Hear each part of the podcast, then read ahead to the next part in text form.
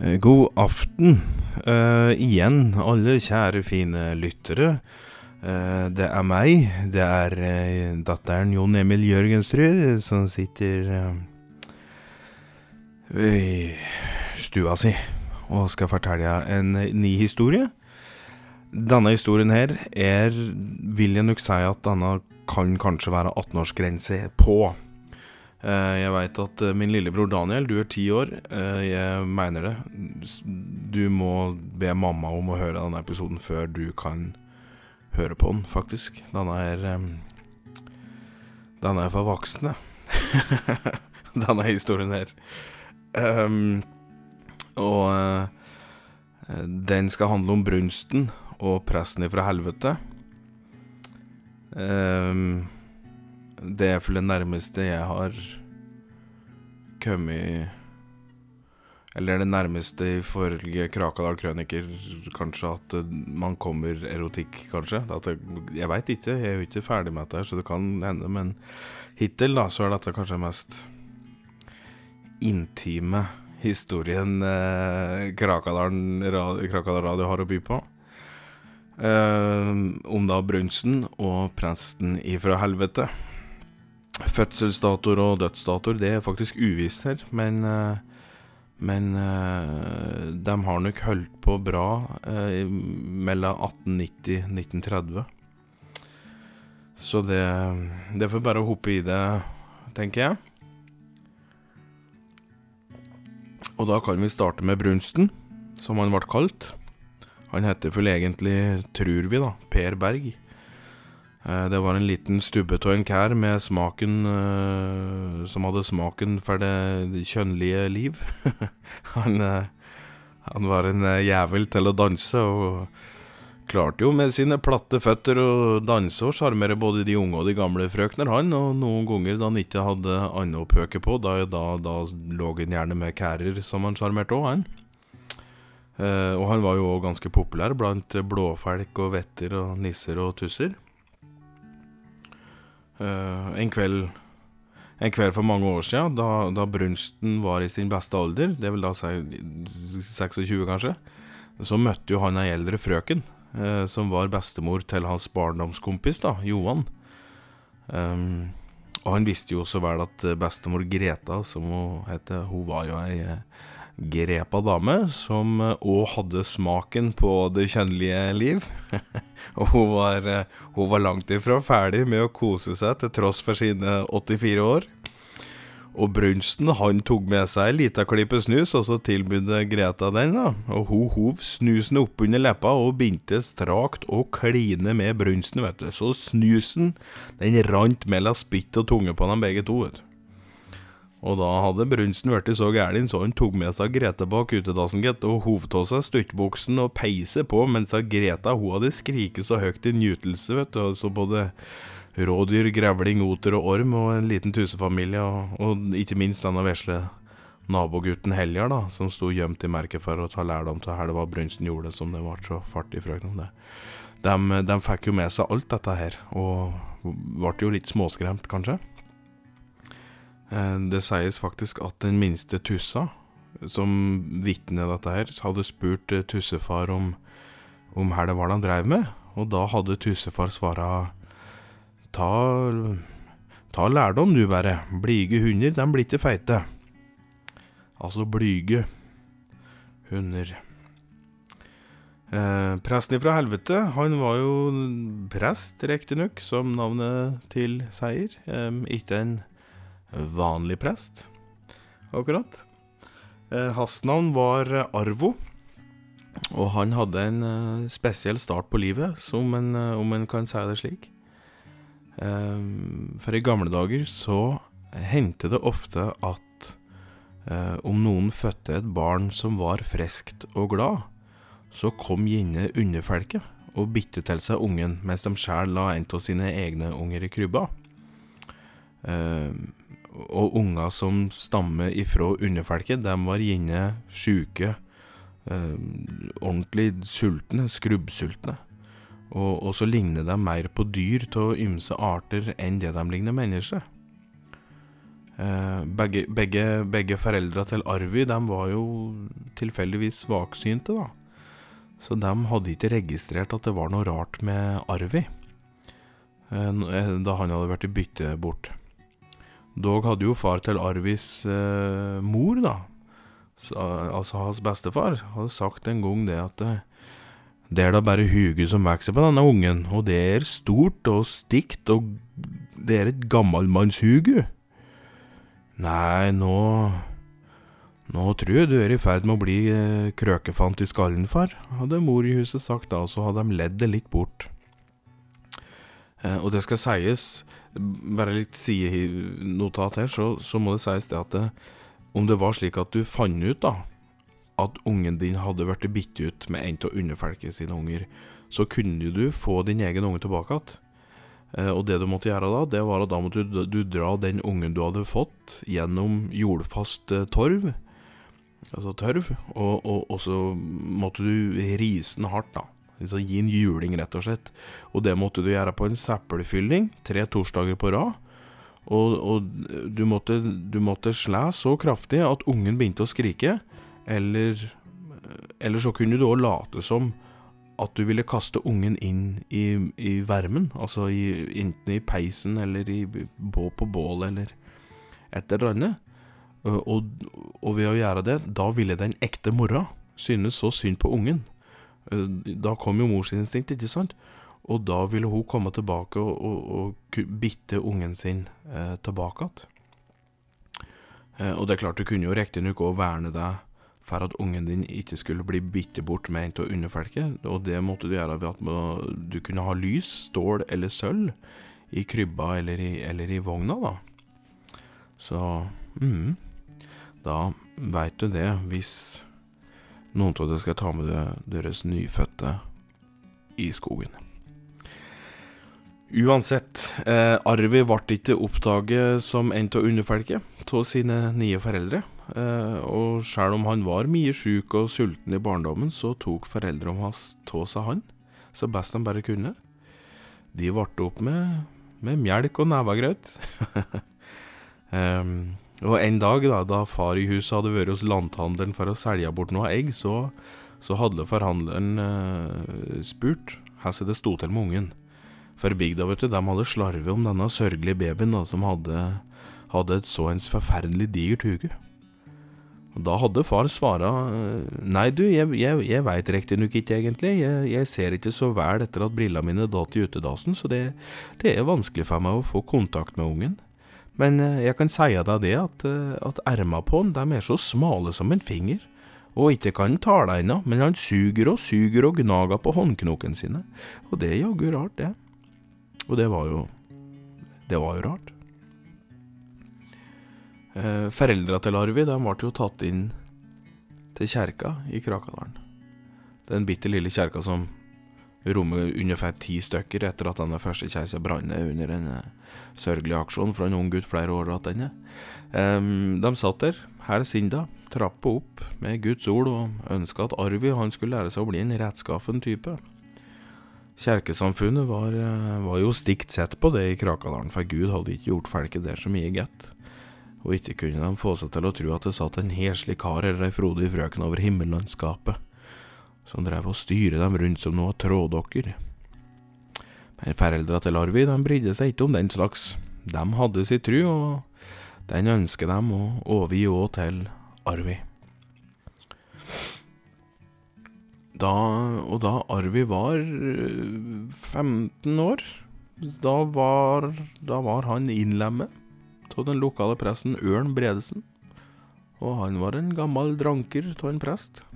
Men han trengte en etterkommer, og syntes at Arvi minte mye om han sjæl, og spurte en dag Arvi, vil du, vil du bli prest og, og ta over etter meg morgen, i morgen, kanskje? Ja, prest, det, det vil jeg bli, og slik kan jeg sette Gud i tvil, svarer Arvi. Og det var jo greit nok svar for ørn, det. Og så gjorde de unna dåp og seremonier. Arvi hadde da fått et Han hadde jo fått et helvetes jævla sammenbrudd da når dette dåpsvannet rant gjennom skalla på han, for du veit, det, det, må sies at gudsord og kors, det var jo det var jo saker som ikke akkurat underfolket eh, hadde et godt forhold til, da. På, på mange sett. Eh, Den første gudstjenesten Arvi skulle ha, den gikk nå ganske greit. Han, eh, han eh, stammer fælt her gangen skulle nevne Guds ord. Og det skyldtes jo naturligvis det at han kom fra det underjordiske. Men han, eh, han, han sto i smerten og, og liret ur seg diverse strofer. han, og så la han merke til en kær som satt og siklet på ei frøken som satt, på, satt en rad framafor han. da. Og etter gudstjenesten så gikk han bort til kæren som hadde siklet så fælt, og så sa han Unnskyld meg, men bare så du veit det, en skal ikke se på jenta i kjerka, men i fjøset. Å ja, å ja, å ja, ja, ja, da ber jeg om forlatelse. Det, det, var, det, var, det, det, var, jeg ikke klar over. Så var det Brunsten. Og etter det da ble Brunsten og presten kamerater. Er er det er da tusen til ansikt på deg, hadde Brunsten sagt. Ja, et ansikt ifra stein og øver ifra grein, hadde presten svara. Ehm, en dag, i hvert fall. Som mange dager, kanskje. Jeg veit ikke. Men en dag så hadde Brunsten tatt med seg presten eh, for å sjekke damer, eh, da det var feslakt borte hos storbonden Gerda Sivertsen. Ja, Gerda, vet du, hadde sjæl hadde jo sju dattere, og så hadde han en håndfull venninner som alle hadde egne gårder rundt om i Krakadalen. Der kan du virkelig gjøre et varp, prestefaen, for dere jentom så løsner at du skal ikke se bort ifra at de blir hos deg til, til høsten. Men hen skal jeg gjøre av dem om de blir med alle sammen? spurte presten. Og så, så, så stig som du er, prestefaen, så er du heldig om du i det hele tatt får med deg ei. og skal du være så heldig at du gjør det, ja da faen, ja da bare setter du opp et telt utafor prestegarden som hun kan væske seg i, og så kan du lett hun få bo i senga di resten. og kanskje er du et villskinn, men husk å bruke geiteskinn, for for du vil vel ikke fara med unger så tidlig, sa Brunsten. Unger? Ja, men en må da, en må da gifte seg om en skal ha unger. Ja, ja, ja, men da, du, du, da, da, da tar du disse her, sa Brunsten. Og så drog han ut håndflata til presten, og så la han tre geitetermer eh, oppi nevene der. Og da, disse trer du på skaftet ditt før du velter den inn i syltetøyglasset. Presten lea nok litt på overbryna da, men tenkte at dette visste Brunsten mer om han enn en, en det han sjæl gjorde, så det han tok imot de råd han fikk. Og de trapp opp til slaktefest hos Gerda. Og, og det sto damer i horder rundt om på gårda, vet du. Og det, det var ikke bare Brunsten og presten som hadde møtt opp for å finne seg frøken å kose på. Nei, nei, nei, nei. Det var mang en gubb som òg hadde satt på sin fineste stas da, i håp om at noen skulle bite på. Eh, Brunsten, da. Han gikk, bort, eh, han gikk jo da bort til den peneste jenta han så, og så dro han opp munnspillet sitt, og så sa han eh, Nå skal jeg bare si at jeg skal, jeg skal nok Jeg skal gjøre det han gjør her, men jeg har gitar og ikke munnspill. Eh, I hvert fall, da. Så sa, så sa Brunsten det. Hør, hør, hør, hør på denne, hør på denne, for denne sangen er til deg.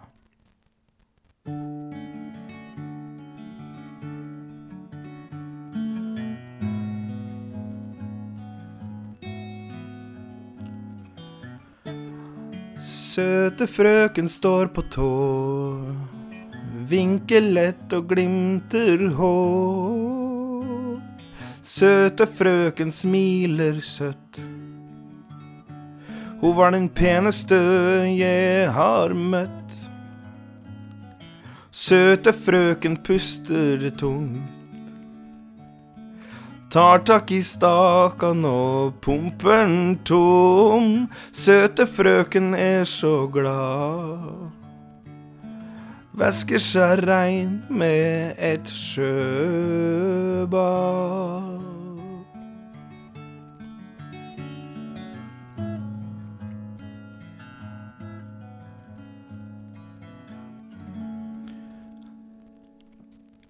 Herre, herre, herre, herre, Sidstu?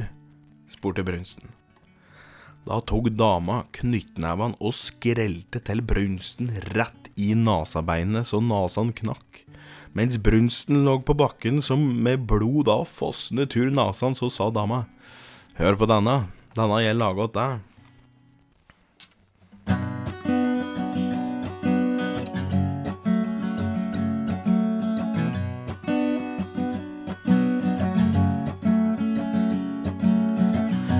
Stigge gubbe synger rundt. Ser ut som et rævhæl og lufter vondt. Stigge gubbe griner som en gud. Hadde sett bedre ut om han var skutt. Stigge gubbe puster tungt. Ta for seg det som er altfor ungt. Stigge gubbe er ikke glad. Jeg skjærer tå ha stake så med et knivblad. Ah, ah, ah. Og etter dette der Da gikk dama bort ifra brunsten, og han så henne aldri mer. Presten ifra helvete, derimot, han, eh, han gikk da bort da, og fant ei jente han syntes var søt, og han håpte at hun skulle være snill. Han eh, stelte seg bortåt og spurte forsiktig om hun var en av de som skulle slakte okser i dag, da, og det, og det skulle hun.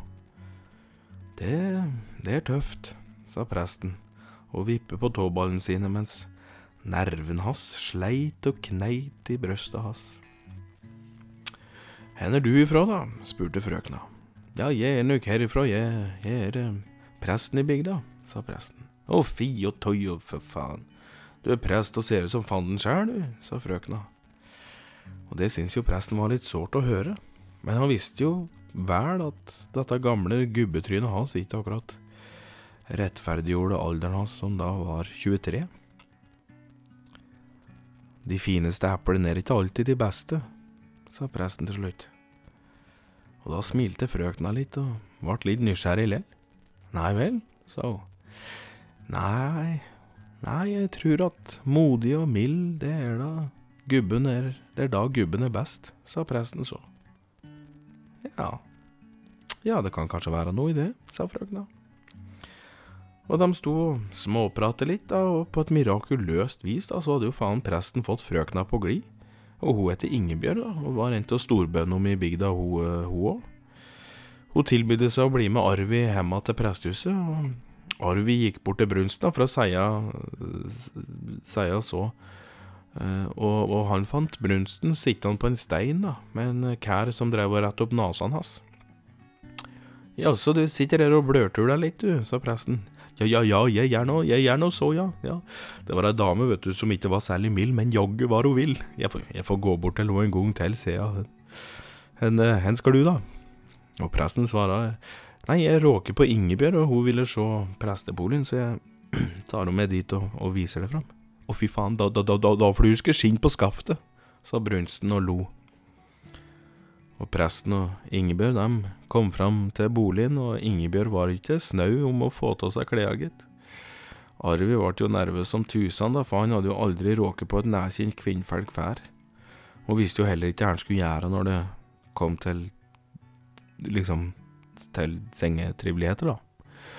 Han hadde riktignok sett ei hulder en gang, som fløy nærkjent over isen da, med hulderrumpa slepende etter seg, men uh, han hadde blitt så redd at han satt bare på stubben sin og blunka øynene mens han rablet på en eller annen bønn han improviserte fram.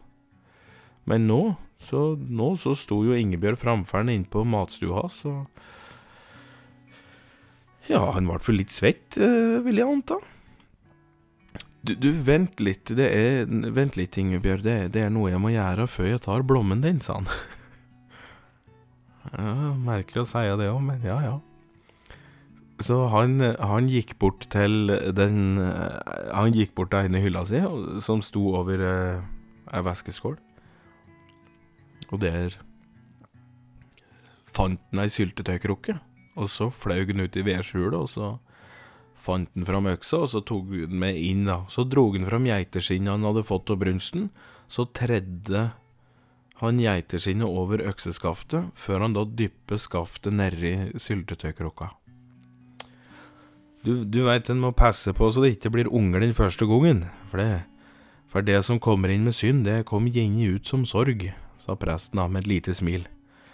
Og Ingebjørg hun sto jo bare og rynka med øyebryna sine og lurte på hva i svarte faen denne prestetullingen sto og babla om nå, men og da presten hadde duppet skaftet ferdig i krukka, så Og da mener jeg syltetøykrukka.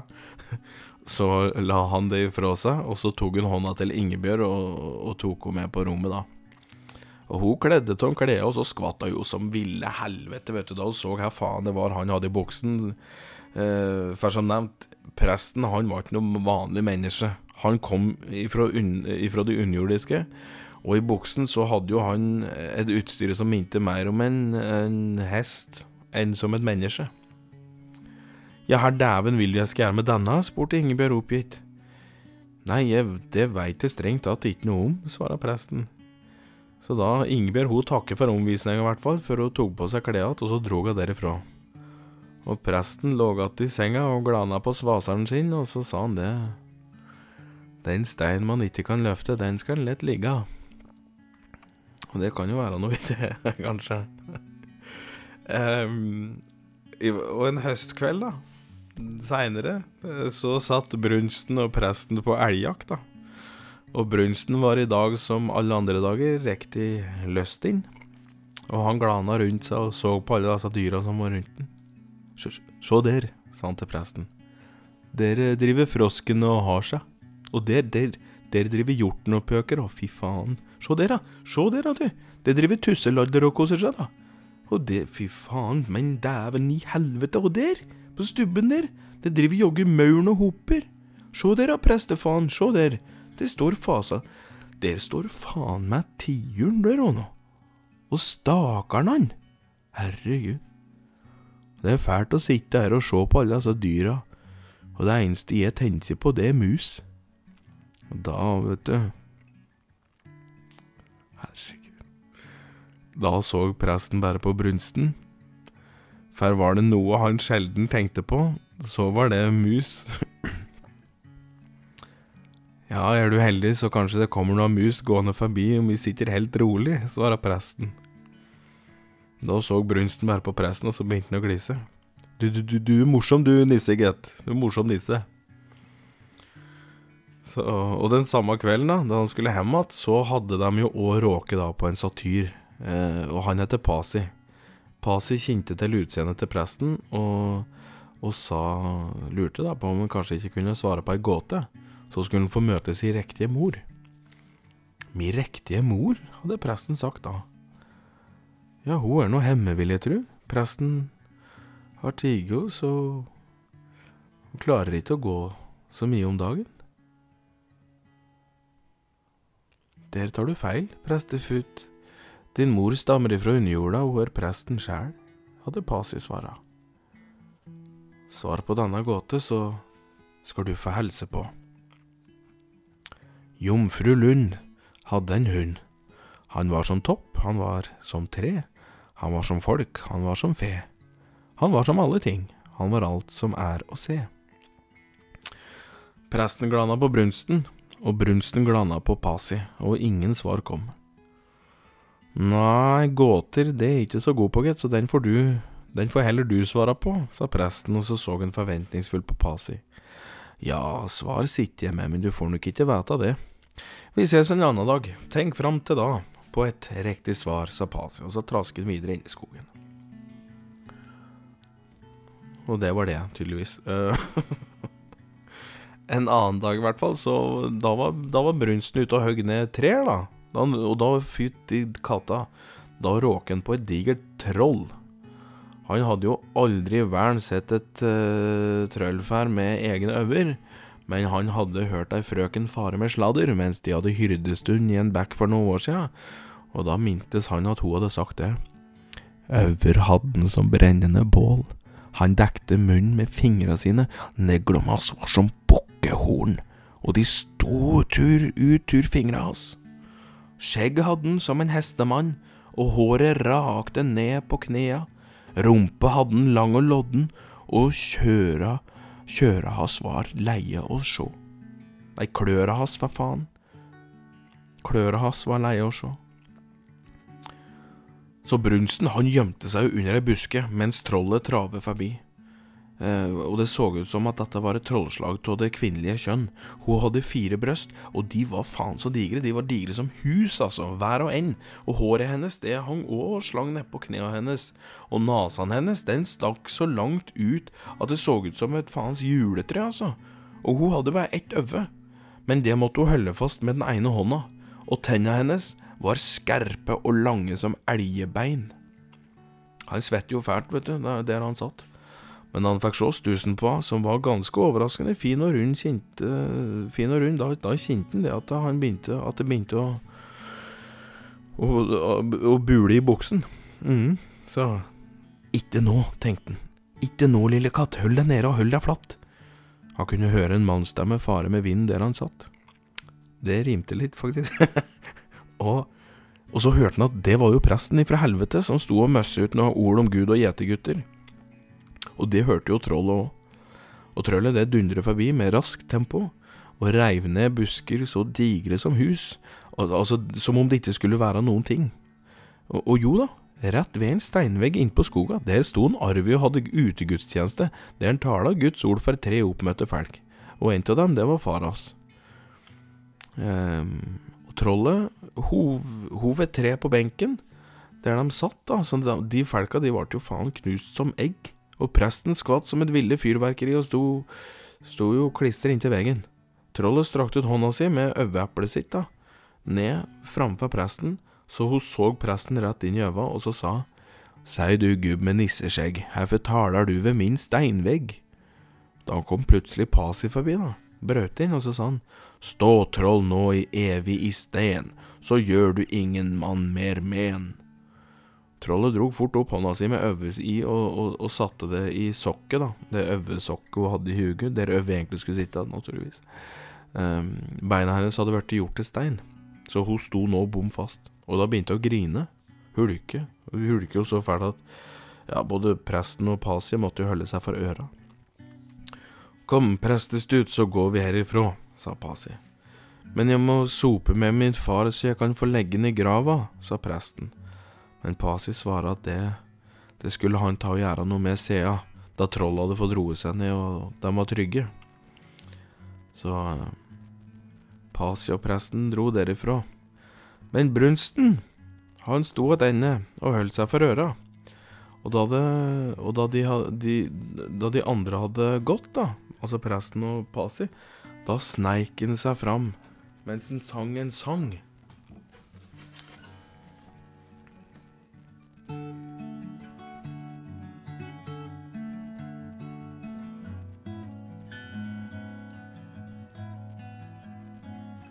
Du vesle troll som rolig står, vil du kinne min pinne mellom dine lår? Du vesle troll som så mektig griner, vil du lett meg få viske ut dine piner? Du vesle troll med rumpe stor, kan jeg få peise deg fra sør til nord? Du vesle troll, som steinfast gror. Vi kan sammen elske høgt i kor.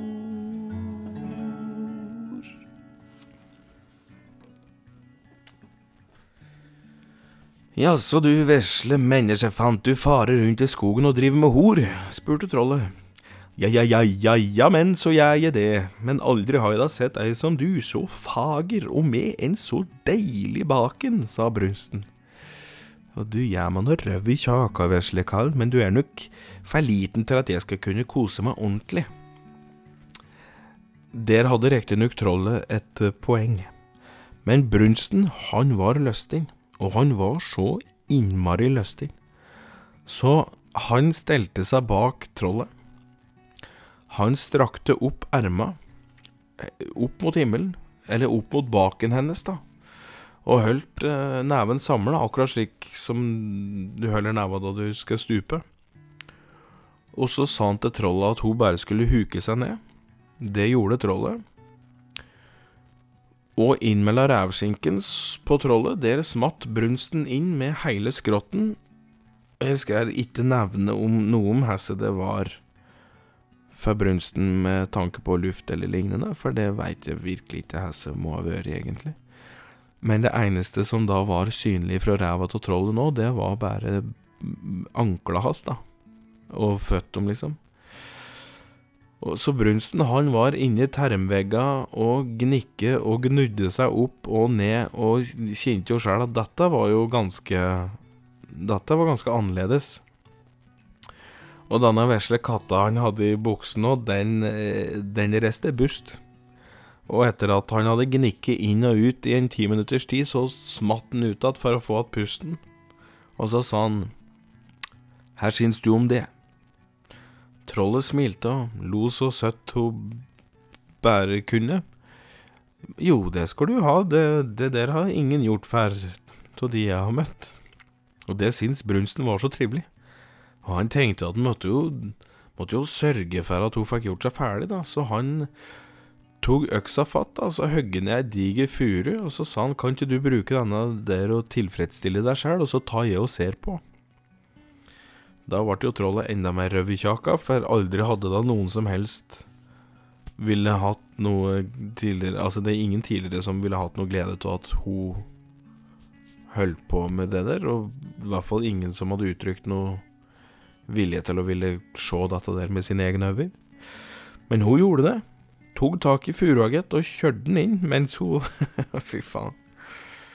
Mens hun laga lyder og de lydene, dem, det, det var, altså det, de stønnelydene der, de var så høye, dem, at uh, folk litt lenger bort i skogen, dem trodde jo faen at det var tolvær, vet du, langt ut i oktober. Og Brunsten, han fant seg en stubbe, da, og så satt han der og glana, og så gnukk han på seg sjæl, i all sin lyst. Så slik var det. Men, uh, men tilbake på prestegården, da. Sto presten da og prata noen ord da, med en Pasi og spurte om presten var interessert i å svare på gåta hans.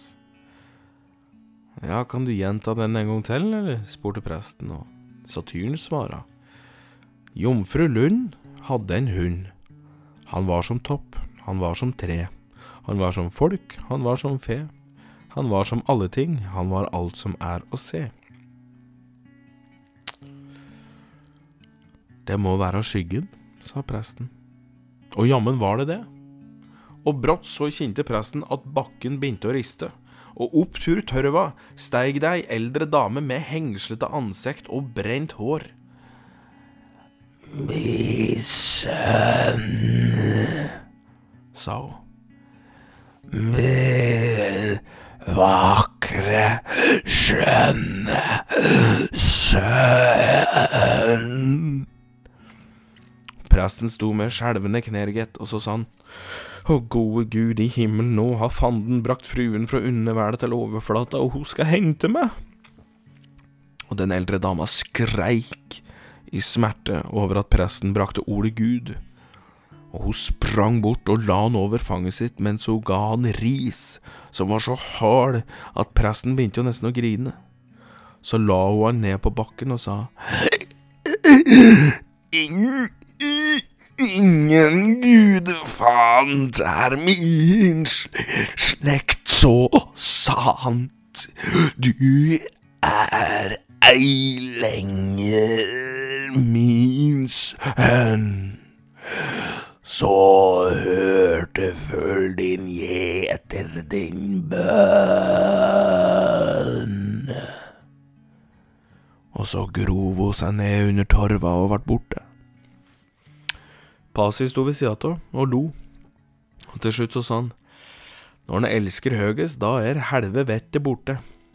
Det er din mor et bevis på, og så trasker han inn att i skogen. Men eh, det kom nå flere festlige kvelder, det gjorde jo det. En festlig kveld da som Brunsten og presten igjen da var ute på, og denne gangen da gikk Brunsten bort til fruen som serverte øl. Og tenk for ei snerten snelle som framfor meg står og hører kjærleiken spille. Kunne du tenke deg å bli med meg ut en tur, så jeg får lufte svaseren i et vedskur? Da tok ølfruen et krus, og så slo jeg det tvers over skalla til Brunsten, så han fikk jo hjernerystelse. Og han ble liggende på gulvet nesten hele kvelden, han egentlig. Presten, han gikk jo da Han gikk òg bort til, til ølfruen og spurte om hun hadde det bra, da. Og svarte at jo da, det hadde hun jo. Forutenom en brunstig stut med noe sleivord, så hadde hun jo en ganske fin kveld, da. Presten satt aleine utover kvelden, og ølfruen fikk litt vondt av han og gikk bort og sa Det er noe rart med deg. For pen er du ikke, men du er pen allikevel, på et vis. Ja, sa presten. De fineste eplene er ikke alltid best. Nei, det kan være noe i det, sa ølfruen og smilte. Du er riktignok noe av det fineste jeg har sett. Og det kan være skummelt, for det er ikke sikkert at du er så fin på innsida, sa presten. Ølfruen så ned i gulvet og tok en slurk øl, og så sa Nei, det er jeg ikke så sikker på sjæl om jeg er så fin på innsida, jeg heller, egentlig. Men da smilte presten, og så sa han Jeg tror du er ganske så fin allikevel, ja. Å, undrer ølfruen på. Det er slik som du preker om deg sjæl på. Ja vel. Det er nå slik at det som kommer ifra hjertet, det treffer en i hjertet. Og nå er jeg nesten forelsket, sa presten. Ølfrua smilte bredt og tok en sluk til. Da veit du sikkert at kjærlighet kommer ikke til hesse folk ser ut utapå. Kjærlighet, det kommer av kunnskap og kinnskap. Presten gliste enda breiere. Så tok ølfruen hånda hans og drog den med ut i vedskuret. Ja, Utover disse historiene her, da, disse småbitene som jeg nå har sittet og fortalt, så er det ikke så mye mer vi veit da, om brunsten og presten fra helvete. Men, men ryktet skal jo da ha det til at eh, presten gifter seg med Ølmøya. Som er helt Jeg veit ikke hvorfor jeg sa det. Med hun ølfrua, da. Og brunsten han drog ut i skogen, levde et liv fylt opp bokstavelig talt med mye furu og dufter sammen med trøllet han råker på. Det vites liksom ikke helt hvor lenge de levde, men på Felkemunne så sies det at brunsten ligger gravlagt under en stein i Kynneggen, og at presten fra helvete han ligger sammen med sin fru bak et vedskjul inn på Krakadalen den dag i dag. Um, og hvis du vandrer rundt i Krakadalen i dag da, og råker på nedslitte utedasser som har stått i kanskje faen 100 år, så kan du se der at det ofte er blommer som vokser opp ifra selve dasshælet. Eh, for Brunsten han hadde en fiks idé i ungdommen at um, om han planter blommer i, i utedassen rundt omkring, så ville lufta på kjønnet til folk bli luften bedre. Altså, nå må jeg bare gjenta for meg sjæl her i alle dager jeg akkurat sa. Uh, eller her Brunsten sa. For Brunsten hadde en fiks idé når han var ungdom at om han bare planter blommer i utedassa rundt omkring, så ville blomsterlufta, da Eller blommen får rett og slett lufta på kjønnet til folk til å òg bli lufta bedre. Utrolig rart det han Brunsten dreiv med der, altså. Jeg må innrømme det. Merkelig logikk. Men nå vokser det blommer altså dassa, da, så det er da trivelig, det. Og bedre likt Bedre Eller Herregud, nå roter jeg fælt. Han likte jo bedre å kose seg med frøkner innpå dassa. Når det liksom lufter blommer der i stedet for Mac, da. Så for han, du vet, han, han hadde med så mange kvinnfolk inn på utedassa opp gjennom sitt liv.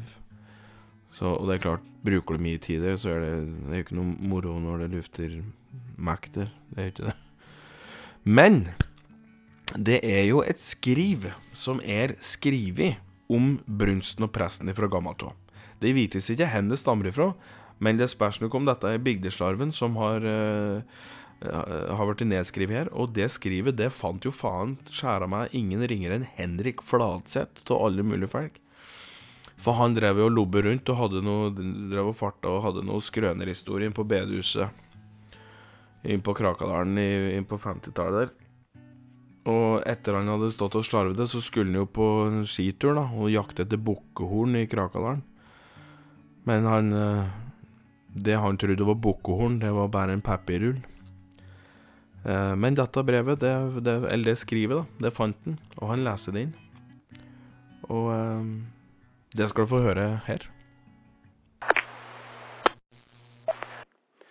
Den ene tydde til Gud, mens den andre søkte brud. Den ene var blyg og stygg, mens den andre lå ved alle på rygg. Den ene gråt sjelden, og den andre fylte gjelden. Han var brunstig og klam, bydde sjelden på en dram. Han lekte stor kar og rik, men han var fattig som lik. Han svindlet sin søster og bror og brukte nettene til hor. Han eide ingen sjel, og hans hjerte var smuldret som mel. Den andre var av trolldom, og ingen minnes hans navn. Han søkte ekte kjærlighet hos den som tilbydde sin favn. Han trådde rådløst rundt med gåter i hodet, og i buksen hadde han et dyr på størrelse med en liten klode. Han hvisket stille når vinden skrek, og rundt hans hus drev satyren og snek. De vandret rundt i skog og i berg, fant på streker, og den ene elsket med en dverg. Da trollet kom og sto fast i en stein, gikk den ene hjem, og den andre ble sein. De fylte sine krus i slitne hus, og den ene sto tankefast på all slags mus. Presten sa, det er ofte mye å hente der er lite å vente. Da svarte brunsten, du kan så si, for det katten er skvetten, fins det alltid ei sint kjerring. De holdt sammen i kameratskap i et helt liv. Da den ene gikk i torva, fant den andre frøken Siv. Og sånn kan man si, og sånn kan man tenke, at den som gir mest, for minst takk selv som enke. Og det var Henrik Fladseth som leste skrivet. Og eh, det blir også det siste som skjer i denne episoden her. Vi høres når som helst framover i tid. Eh, men dette I dag har du fått hørt om brunsten og presten. Så takk for meg, og takk til død. God kveld.